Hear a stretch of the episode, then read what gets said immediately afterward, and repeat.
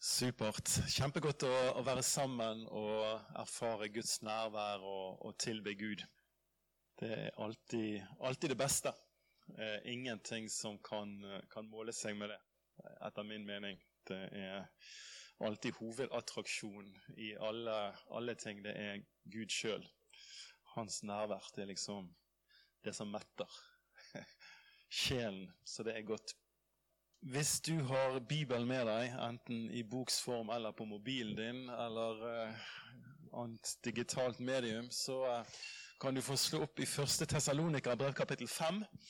Så skal vi lese vers, uh, vers 23 der. Der står det Må Han, fredens Gud, hellige dere helt igjennom, og må deres ånd, sjel og kropp bli bevart uskadd så dere kan være uklanderlige, så dere ikke kan klandres for noe når vår, når vår Herre Jesus Kristus kommer.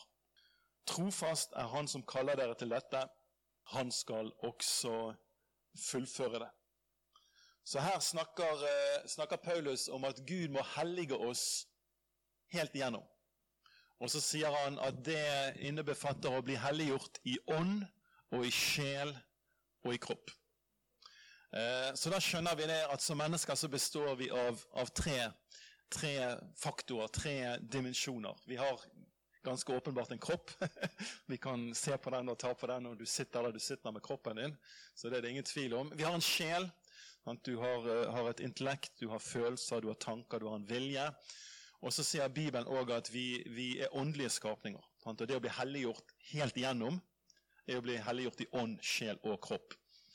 Eh, og du, når, Paulus skriver til de ulike menighetene, så innleder han ofte med å skrive til de hellige. Til de hellige i Efesos, til de hellige i Korint, til de hellige her og de hellige der. Eh, så han, han slår på en måte fast de er hellige. Og Så finner du f.eks. i Korinterbrevet, når du begynner å lese Korinterbrevet, og en del av de tingene han tar opp, så begynner du å lure på hvor hellige de er. Fordi for det var ganske mange ting å ta tak i. Og så skriver han i Korinterbrevet at um, og bruker, bruker han som frase som at vi er, de er helliget og skal leve i helliggjørelse. Så, så, på den ene side så sier Gud at du er hellig. Og på den annen side så vet vi alle sammen at, at, vi er work in progress. Det er ting som han trenger å få hellige i oss. Sant? Og Det som er saken, er det at Bibelen underviser at når det gjelder vår ånd, så er vi født på ny. Du kjenner helt sikkert historien om Jesus som kommer til eller Nikodemus som kommer til Jesus om natten i Johannes evangeliet kapittel 3. Og eh, Nikodemus lurer på hvordan du kommer inn i Guds rike. Og så sier eh, Jesus at eh, Nikodemus, du må bli født på ny. Og Nikodemus skjønner ikke og tenker at han må komme inn i morens mage.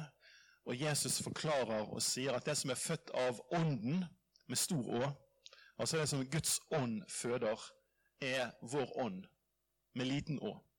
Med andre ord, når Paulus snakker om å bli helliggjort i ånd, sjel og legeme, så ta, sier Jesus til Nikodemus din ånd må bli født på ny. Det er sånn du kommer inn i Guds rike. Det er sånn du blir et Guds barn. Du kan verken se Guds rike, skjønne Guds rike eller komme inn i Guds rike før du blir født på ny. Så sant, Bibelen bruker veldig mange forskjellige begreper for å bli, beskrive akkurat den prosessen. Det å bli et Guds barn, det å bli gjort levende, det å gå fra mørke til lys, det å bli reist opp med Kristus, det å bli gjort hellig eller gjort rettferdig eller få et nytt hjerte. Og det, det, Denne nye fødselen er ikke en prosess. Det skjer sånn. Det, er, det, skjer i et øyeblikk. Det er et mirakel. Det er noe Gud gjør. Det er en gave Gud gir. Gud føder oss på ny. Vi tar imot Jesus. Jesus flytter inn. Der flyttet Jesus inn. Jeg fikk et nytt hjerte. det, det, jeg liker Esekel som beskriver det som en hjertetransplantasjon. Vi hadde et steinhjerte som var dødt og hardt og kaldt. Gud tar ut steinhjertet, gir oss et kjøtthjerte. Vi blir født på ny. Og per definisjon hellig. I det øyeblikket Jesus flytter inn, så er han din hellighet. Han er din rettferdighet. Når, når Gud skal sjekke Kristians rettferdighet, hvordan står det til med Kristians rettferdighet? Hvordan står det til med Kristians hellighet? Så ser han ikke på Kristian, han ser på Jesus. Og Jesus i Kristian. Og så ser han en som er fullkommen. Sånn vi har fått Guds rettferdighet i gave. Og det her er en det er Kristus i oss. Det er noe Gud gjør. Det er en gave. Det er en objektiv sannhet. Det, det er ikke sånn at hvis Kristian da har en dårlig dag i morgen og, og våkner opp og, og, og, tenker tanker han ikke burde ha tenkt, og sier noe irritert til folkene rundt seg Ops! Da mistet han sin rettferdighet og sin hellighet. Gud tok han ut av Kristus og plasserte han tilbake igjen i Adam. Sånn er det ikke. Gud har plassert oss i Kristus. Og Vi driver ikke og flytter frem og tilbake mellom Adam og Kristus. Alt dette som hvordan dagene går, og liksom hvor bra vi klarer å holde oss på den smale sti. Sånn? Nei, er du i Kristus, så har Gud plassert deg i Kristus. Du er hellig, du er rettferdig. Det er din posisjon. Og så er det samtidig sånn at vi er kalt til å være hellig. Vi er kalt til å leve hellig. Og det er akkurat den, den siste biten der, den her prosessbiten av helliggjørelse som vi skal se litt mer på i dag.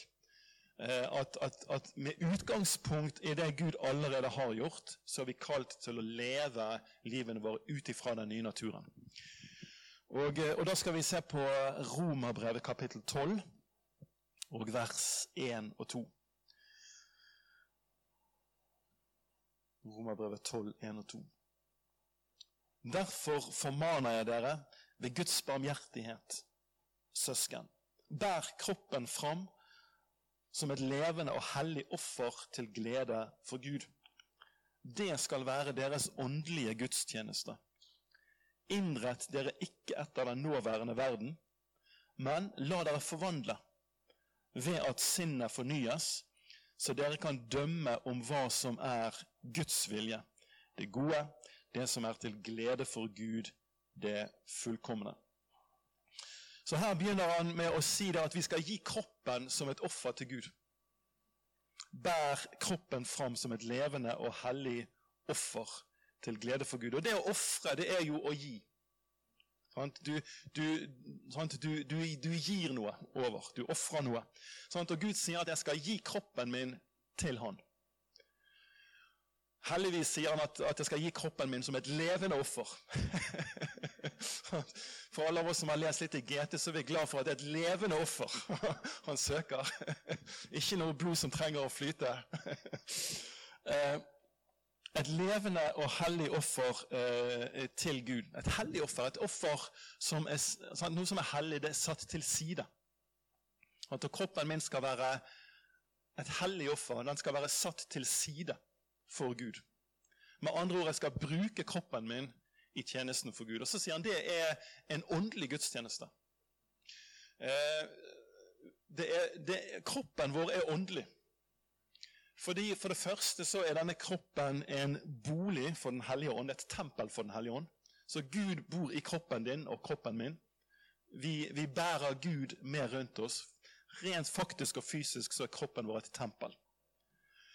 Og eh, for det andre så, så, så, sier Bibelen mye om dette her med kroppen. For eksempel så, så eh, i ekteskapet, når to blir ett, sant, som handler om en fysisk forening òg, så er det et profetisk bilde på forholdet mellom Jesus og menigheten. Og det er òg et bilde på at i den, den enheten som, som, skjer når to blir ett, så er det eh, et uttrykk for en treenig Gud som er ett. Sånn at, sånn at ånd, det, eh, denne her dimensjonen av kroppen vår bærer, taler om mange åndelige sannheter. Men, men uh, Gud vil at jeg skal um, bære kroppen min fram som et offer, som et tilsidesatt for Han, som et levende offer for Han. Og så fortsetter han med å si at vi skal ikke innrette oss etter den nåværende verden, men la oss forvandle ved at sinnet vårt fornyes. Eh, det ordet 'innrette' der, eh, det, det, er på gresk Jeg vet ikke om jeg uttaler det rett, men sus schematiko, altså schematiko, eh, som, som, som da får oss til å tenke på et skjema.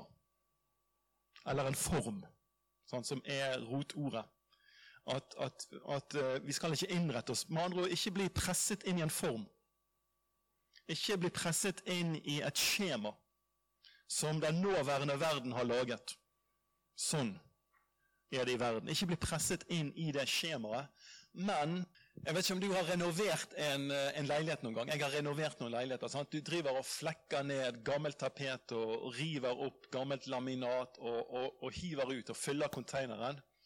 Ut med det gamle. Og så får du inn, eh, driver du og sparkler og tapetserer og får, får, får, fine strøkne vegger og nytt gulv, og så har du renovert. Det er ut med noe gammelt, og det er inn med noe nytt. Og Gud sier at vi må, vi må bli renovert i sinnet. Ut med noe som ikke hører hjemme. Den nåværende verdens tankegang og måte å tenke på. Og, og inn med Guds, Guds tanker, sånn at vi blir forvandlet gjennom at sinnet fornyes. Tankene våre. Og, og det her er jo, Omvendelse er jo en del av grunnvollen i det kristne livet. Omvendelse er jo ikke bare noe vi gjør når vi tar imot Jesus helt i starten. Men vi lever i omvendelse. Jeg lever i en stadig justering. Det å omvende seg betyr bokstavelig å, å, tenke nytt. Og jeg trenger å tenke nytt, for det er så mye både i meg fra det gamle livet og på utsiden av meg, den nåværende verden, som prøver å påvirke meg. Og så lever jeg her i verden med alle de impulsene, og så holder Gud på å renovere meg og forvandle meg, så jeg kan dømme om hva som er hans vilje. Og så lærer han meg å tenke nytt. Han lærer meg å leve i omvendelse. Det er denne stadige justeringen hvor jeg skifter ut tanker og begynner å tenke hans tanker. Og Det er en prosess, og den prosessen kalles helliggjørelse. Eh, Gud former oss. Så du er hellig, og så blir du hellig. Gud har gjort deg hellig, og med det som utgangspunkt så sier han 'bli det du allerede er'. Helliggjørelse er ikke å ta seg sammen og prøve å bli noe som jeg ikke er. Helliggjørelse er å se hvem Gud allerede har gjort meg til. Jeg er en ny skapning i Kristus. Han har gitt meg en ny natur. Han har erklært meg hellig. Han har gitt meg et nytt hjerte. Og så sier han, Per Arne, bli den jeg har gjort deg til. Det er helliggjørelse. Så hvis du blir med til, til Efeserbrevet, kapittel fire skal vi lese noen vers sammen der. Vers, fra vers 17 og ned til eh, vers 27. Så ber jeg dere inntrengende i Herren, lev ikke lenger slik som hedningene. Deres tanker er tomhet, deres forstand formørket, og de er fremmede for livet i Gud. De kjenner ham jo ikke, og deres hjerter er forherdet. Avstumpet er de blitt, de har gitt seg over til et utsvevende liv. De er urene og grådige i alt de gjør. Men dere er ikke slik. Dere har gått i lære hos Kristus. Dere har hørt ham og fått opplæring i ham ut fra den sannhet som er i Jesus. Lev da ikke som før, men legg av det gamle mennesket, som blir ødelagt av de forførende lystne. Bli nye i sjel og sinn. Kle dere i det nye mennesket, som er skapt i Guds bilde, til et liv i sann rettferd og hellighet. Legg derfor av løgnen og snakk sant til hverandre, for vi er hverandres lemmer. Blir dere sinte, så synd ikke, og la ikke solen gå ned over deres vrede. Gi ikke djevelen rom. Så For det første så snakker han om hedningene. Og Han sier at de for det første ikke kjenner livet i Gud. Og for det andre så er de formørket i sinn og tanke. Og Det er en sammenheng mellom de to. Hvis du, hvis du ikke kjenner livet i Gud, hvis du ikke har koblet på Gud, det livet som flyter fra Gud, så vil du være formørket i sinn og tanke. Eh, og, og hedningene, siden de ikke kjenner dette livet som er i Gud, så, så er deres tanker og forstand eh, tomhet og mørke, og de lever, sier Paulus, etter lystne. Og så sier han, men når det gjelder dere, så er dere nye skapninger, og dere har hørt ham, og dere har fått opplæring i ham, i den sannhet som er i Kristus. Så, så det er situasjonen med oss. Vi har hørt Jesus. Jeg liker det som står her, at, at vi har gått i lære hos Kristus. Jeg liker det uttrykket. Vi har gått i lære hos Kristus. Vi er sånne lærlinger. Og, og, og han, er jo, han, er jo, tømrer, så vi er tømrerlærlinger. Eh, men, men vi, vi, vi, har gått i lære hos han, og vi har hørt han og fått opplæring i han ut ifra den sannhet som er i han. Så denne helliggjørelsesprosessen handler om å høre Jesus. Sånn, og Jesus sier 'hellige dem i sannheten'. Ditt ord er sannhet. Så det er en prosess her hvor vi driver og blir fornyet og, eh, og forvandlet. Og så sier han at i, i, denne prosessen da, så må vi bli nye i sjel og sinn, i tankene. Og det handler om, sier han, å legge av, i vers 22, legg, legg av det gamle mennesket eh, som blir ødelagt av de forførende lystne. Så det, det er noe som Jeg er født på ny. Jeg har fått livet på innsiden. Men så må jeg fremdeles drive og legge av en del ting. Jeg må legge av det gamle mennesket, for det gamle mennesket er der og gjør sine krav. Prøver å hente meg tilbake igjen. Sånn så kanskje jeg, kanskje jeg hører Arne Olav jeg er sammen med Håvard og Arne Olav, og så ber Arne Olav en sterk bønn. Og jeg bare tenker wow. Og så står jeg der og tenker å, nå må jeg, nå må jeg be. Nå må jeg be. Jeg, jeg føler litt konkurranse. Jeg, jeg føler, føler, meg litt liten og han ber så sterkt. Så nå kjenner jeg på at nå må, nå må jeg komme opp med noe skikkelig bra her. altså, Sånn at Håvard skjønner det at jeg òg kan be skikkelig sterke bønner. Og så, så, står du og kjenner på de menneskelige følelsene av at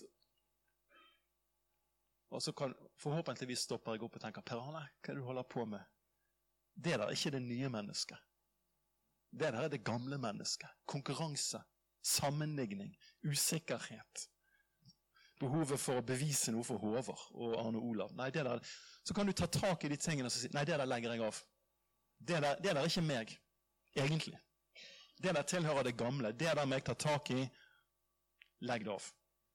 Vi, vi, vi legger av det som ikke er oss, og så blir vi den vi er. Og så kler vi på oss, sier han her. Vi skal kle på oss Kle dere i det nye mennesket, som er skapt i Guds bilde til et liv i sann rettferd og hellighet. Så det er en del ting vi, vi, vi, vi kler på oss. Eh, og det vi kler på oss, er det nye mennesket som vi allerede er. Du prøver ikke å bli noe igjen for å gjenta meg selv. Du prøver ikke å bli noe du ikke er. Du er en ny skapning, og så kler du på deg den nye skapningen. Du jobber ikke, i, i, i, du jobber ikke eh, imot den du egentlig er, men du jobber med den du egentlig er. Med den nye naturen. Og det her handler om, annet om, om uh, å bli ny i sjel og sinn. Tankene våre. Vi skal komme litt tilbake igjen til det. Men det handler om, handler om å, å, høre Han, få opplæring i Han. Og så sier han da Blir dere sinte? Um, jeg går ut ifra at det er et retorisk spørsmål. Fordi eh, Det er ikke et spørsmål om vi blir sinte, men det er mer et spørsmål om når vi blir sinte. Så synd ikke, og la ikke solen gå ned over deres vrede. Ikke, gi ikke djevelen rom. Sånn, så, så, så, det skjer at jeg blir, jeg blir sint. Noen noen sier noe til meg som provoserer meg. Noen opp, oppfører seg mot meg på en måte som jeg syns er urimelig. og Jeg kjenner at jeg, jeg begynner å kverne på dette. Jeg kjenner jeg begynner å meditere på uretten. Jeg begynner å meditere og, og tygge drøv på det. Du vet, Kuene tygger drøv. De, de, de, spiser noe, så, de, så gulper de det opp igjen. Så koser de seg med det. noen ganger gjør vi det samme. Noen, noen sier noe, du vet, Bibelen sier jo i ordspråkene at ord som tales, er som mat. De går ned i kroppen. Og, og Noen ganger så driver vi og tygger drøv på sånn urett. Vi, vi gulper det opp igjen og koser oss litt med det. Tenk at han kunne si det om meg. Og så, og så, og så, og så syns vi det er litt deilig med selvmedlidenhet. På en eller annen syk måte så kan det være litt deilig å synes synd på seg sjøl. Så vi går og koser oss litt med den uretten som er begått. og føler oss egentlig litt berettiget til å ha disse følelsene. og så driver vi og, og er i det moduset. Sant? Og så sier han her hvis du blir sint, ikke la solen gå ned over din vrede. Ikke ta vare på det. Det. Det er noe menneskelig å bli sint. Det er faktisk ikke synd å bli sint. Spørsmålet er hva gjør du? Tar jeg, tar, hvis jeg blir såret ved formiddagstid, er jeg fremdeles såret når det er ettermiddag, og når det blir kveld og, og, og, og solen går ned. Akkurat dette verset er en fordel for oss som bor i Bergen, sant? for vi vet jo aldri når solen går ned. Vi vet ikke om solen har vært oppe en gang. Sant? Så vi, vi, har egentlig et slags påskudd for å være langsinte. Men, uh, men, men jeg, jeg, tror det, jeg, tror ikke det er en tilfeldighet at han sier i neste setning 'gi ikke djevelen rom'. Jeg tror det er en sammenheng mellom ikke, bli, ikke være langsint og ikke gi djevelen rom. Eh, fordi at eh, Når jeg fløy inn på Værnes i går kveld, sånn, så, så, så når jeg kikket ut vinduet, så så jeg sånne lys, lysstriper bortover. Sånn, til landingsstripen. Lyser fint i mørket. Og, og, litt sånn er det Hvis jeg tar vare på sinne og anklage og opplevelse av urett, så er det som om jeg markerer liksom en sånn landingsstripe for fienden og sier 'her er det fint å lande', Satan. Her, her, kan du lande, for i denne vreden og i denne sinnet så, så, er det en invitasjon for han til å komme og lande. Han er våre brødres anklager, sier Bibelen, etter navnet hans. Våre brødres anklager. Han liker å komme imellom og får meg til å dvele ved ting som jeg Jeg har et valg hvordan jeg vil høre det. Og jeg har et valg hva jeg, hva jeg vil tenke om motivet til Håvard når han sa akkurat det. Og hvis jeg ikke slipper det, men tar vare på det og ikke tar, tar på en måte en stilling til det og tenker nei, jeg kjenner jo Håvard. Han er jo en ny skapning. Han er en bror. Han, han, han, har helt sikkert ikke ment det sånn. Og om han mente det sånn, så tilgir jeg uansett. Men hvis jeg liksom tar vare på det der, så kommer våre brødres anklager. Per Arne, du, du, har, du, har, god grunn til å føle på dette her. Så går vi inn i den der eh, sure greien. Så lander fienden på det. Så det, der vil vi ikke være. Um, la oss slå opp i 2. Korinterbrev kapittel 3 og vers, les vers 17 og 18. 2. kor 3, 17 og 18. Herren, det er Ånden. Og hvor Herrens ånd er, der er frihet. Og vi som uten slør for ansiktet ser Herrens herlighet som i et speil, vi blir alle forvandlet til dette bildet. Fra herlighet og til herlighet. Og dette skjer ved Herrens ånd. Så her, her sier han at ved Den hellige ånd så kan vi, kan vi se i et speil. Og så ser vi i det speilet Vanligvis når du ser et speil, så ser du jo deg sjøl, for å hoppe. når du ser i speilet om morgenen, det, det, det er deg sjøl du ser. Men her sier han at vi ser som i et speil, men det vi ser, er Herrens herlighet. Altså, vi ser Gud ved Den hellige ånd. Den hellige ånd hjelper oss å se et speil. Så ser vi Jesus, Jesu herlighet, og så blir vi, når vi ser, ved å se på Han, så blir vi forvandlet til det samme bildet. Sånn at f.eks. når vi er her i dag og vi, vi, vi, vi tilber Gud, når vi, når synger om, om, hvem Han er Eller når, når, du prater sammen med søsken og får se noe av Jesus, eller når du hører Guds ord sånn som nå. Du, du, ser Jesus, du tilber han, du er i bønn, du er i ordet, du, du lever et liv med Han som kilde. Det er som å se i et speil. Og så vil Den hellige ånd Du vet Den hellige ånds oppgave er og Jesus sier om Den hellige ånd han tar av det som er mitt, og så gir han det til dere. Han er der for å forherlige Jesus. Han er sannheten sånn, han er åpenbaring sånn. Så, så, ved Den hellige ånd, når jeg ser i dette speilet, så ser jeg Jesus, og så blir jeg forvandlet til det samme bildet.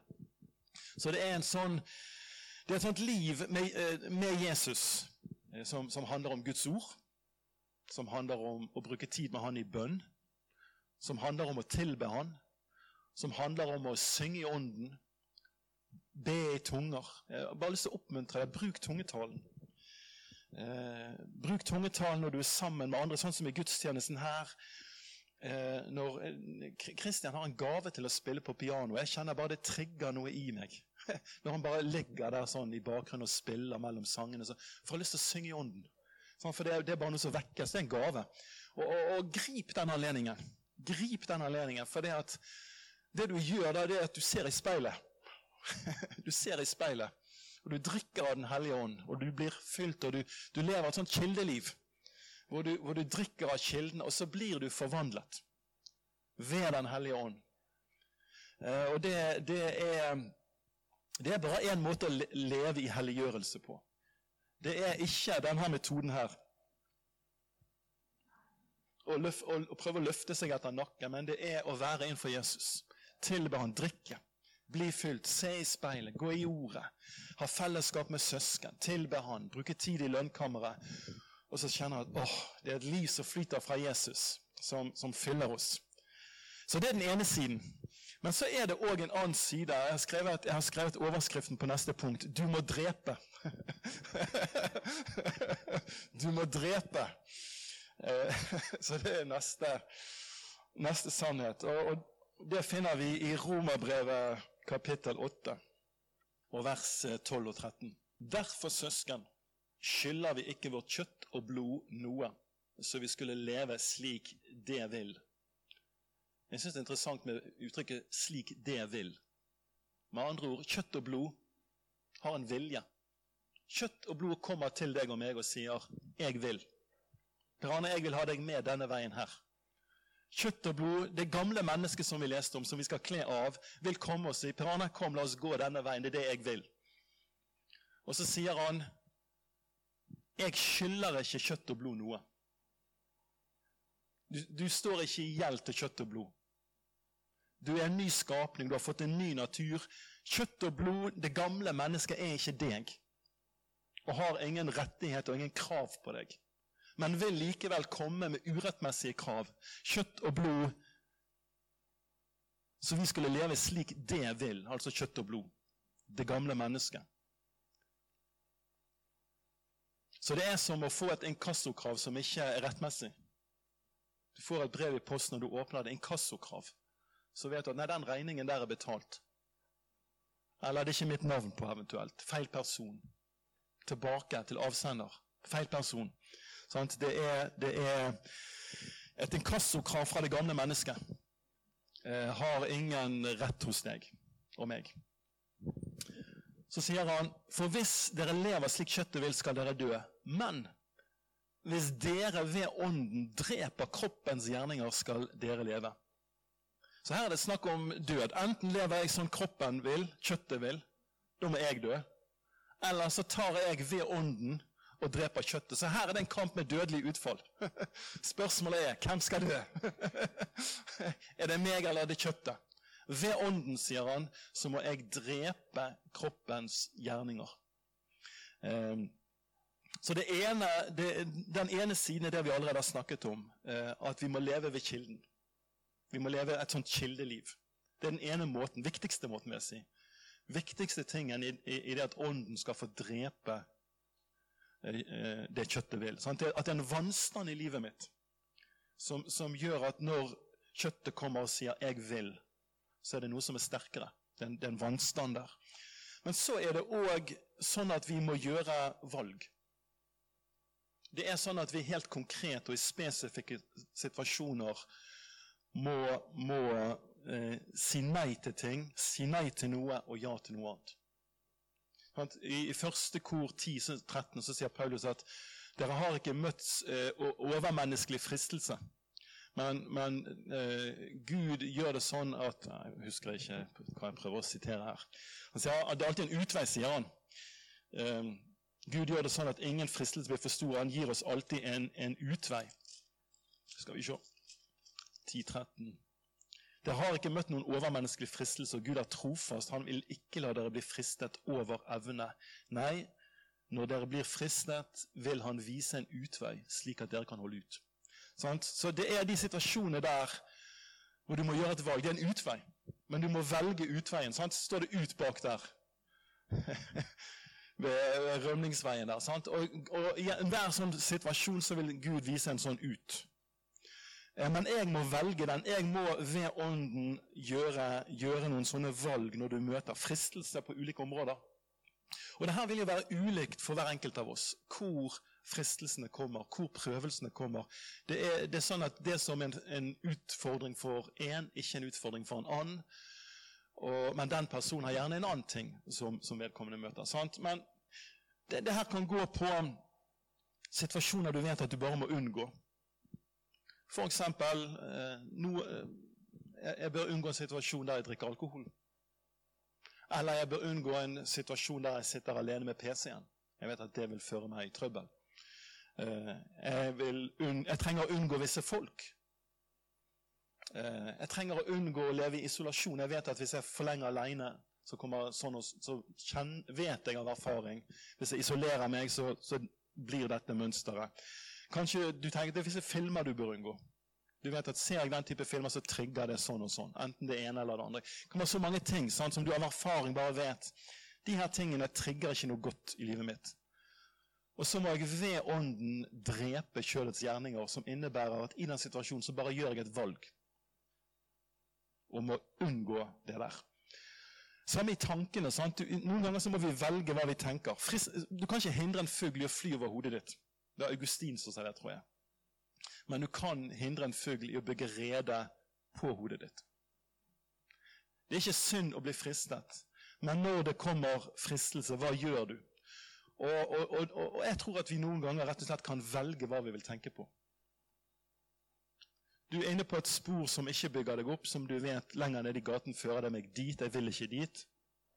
Så la meg heller tenke på Hvor skal jeg gå på ski på søndag?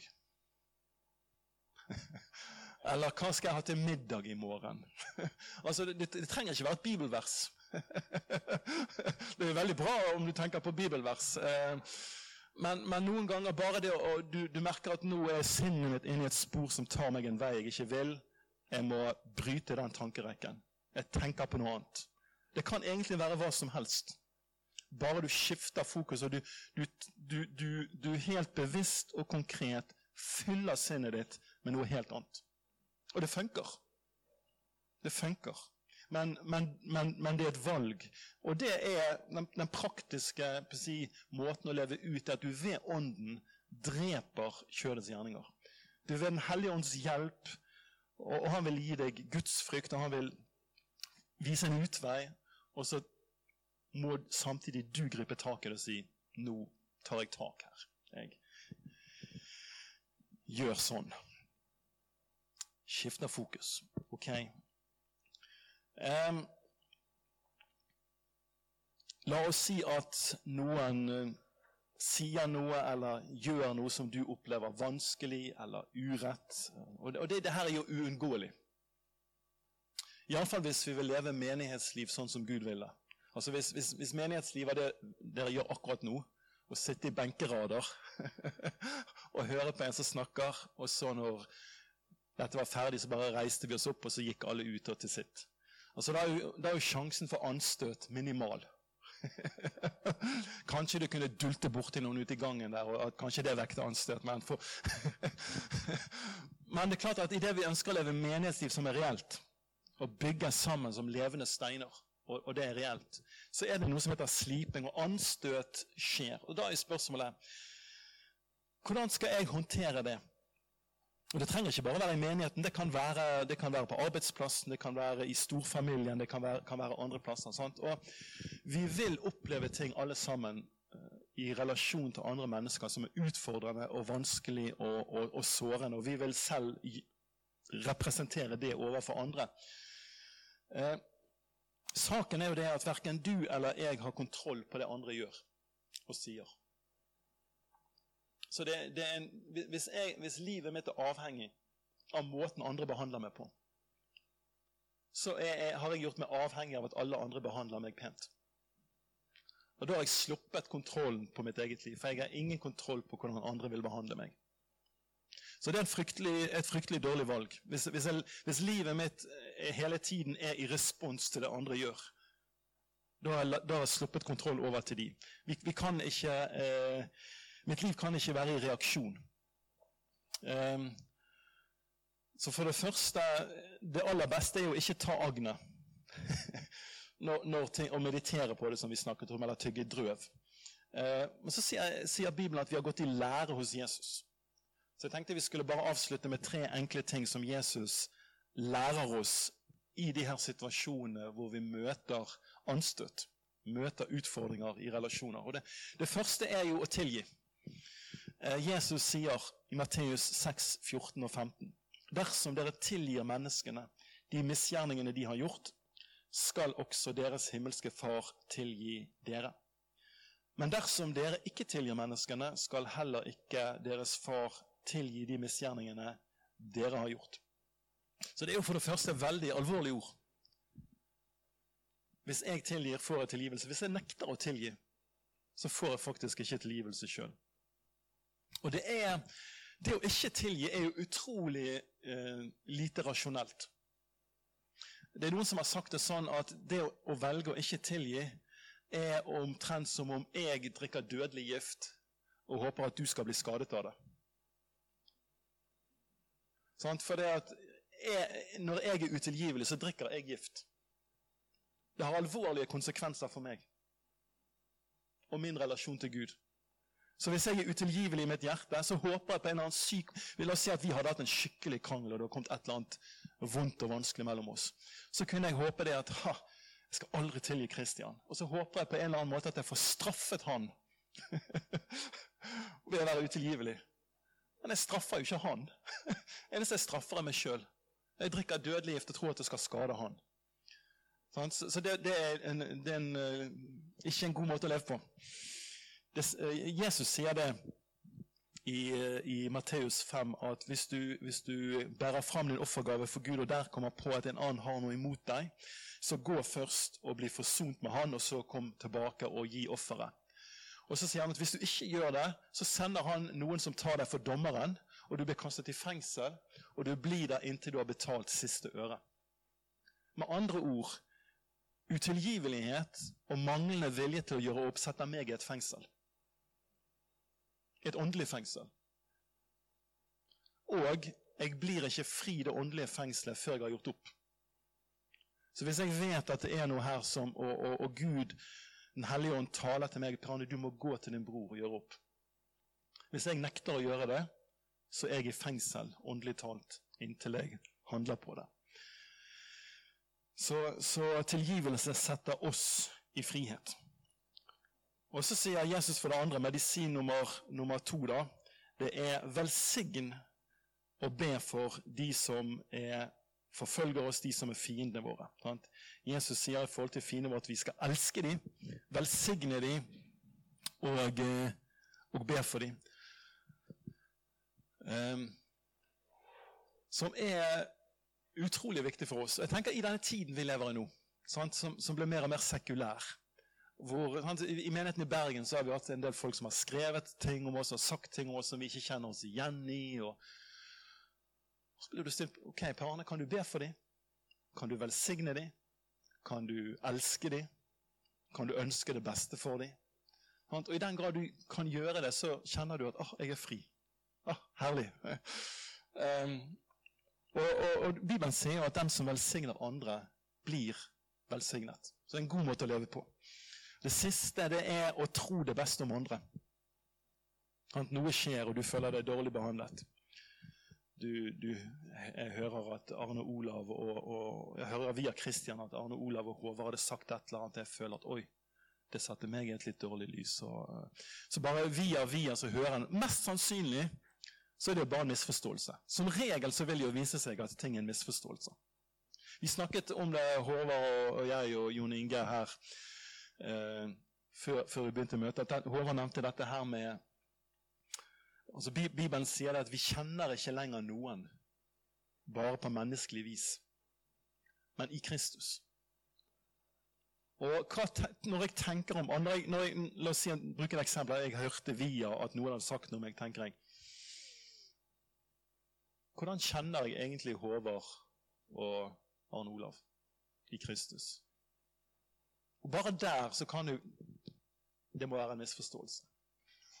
De, de her ryktene som jeg hører nå, det er helt sikkert bare noe tull. Og veldig ofte sånn, så det er lett for å, å, å, å bli gående alene og, og, tenke på det. Og så begynner jeg å tenke på hvorfor sa de det de sa. Så begynner jeg å dømme motivene til andre mennesker. Og spekulere, egentlig. Spekulere i et vakuum hvor fienden vil komme inn. Hvorfor kan det ha blitt sagt? Istedenfor å gå til dem og klare opp, og istedenfor å tro det beste. Um, så det ene jeg har lyst til å bare si, er at vanligvis, iallfall i min erfaring Det førsteinntrykket man får, er feil, og ting er som regel ikke sånn som det syntes å være. Men hvis det har blitt sagt noe som ikke var bra, så tenker jeg at ok, jeg har jo mange ganger sagt ting jeg ikke burde ha sagt. Og så har jeg mange ganger latt være å gjøre ting som jeg burde ha gjort. og jeg vet at jeg trenger så utrolig mye nåde fra søsken. Er telefoner jeg skulle ha tatt, initiativ jeg skulle ha tatt, ting jeg burde ha sagt som jeg ikke gjorde. Og det er ting jeg sa på en feil måte som kunne såre. Og jeg står her og trenger masse nåde. tenker jeg, Kan jeg møte mine søsken på en annen måte? Nei. Hvis jeg trenger mye nåde sjøl, så må jeg gi nåde. Og jeg vet at selv om jeg trenger masse nåde fra folk rundt meg, så ønsker jeg i mitt hjerte det beste. Altså Motivene mine på dypet er gode. Jeg må tenke det samme om andre. At, at vi, er, vi er skrøpelige mennesker som gjør feil, men men, men, som samtidig har et ønske om å gjøre det beste. Og så lykkes vi ikke alltid. Og, og, og den, denne romsligheten og nåden må vi ha imellom oss. For hvis ikke så blir det så trangt og, og så eh, lite nåde. Sant? Og eh, vi, ja, det, det, er viktig sant? At, vi er, at vi har en konto for menneskelig skrøpelighet. Gode mennesker jeg har skrevet her med strek under, så det må være sant. Gode mennesker med gode intensjoner og gode ønsker gjør feil. Feil som kan ramme deg hardt. Sånn er det.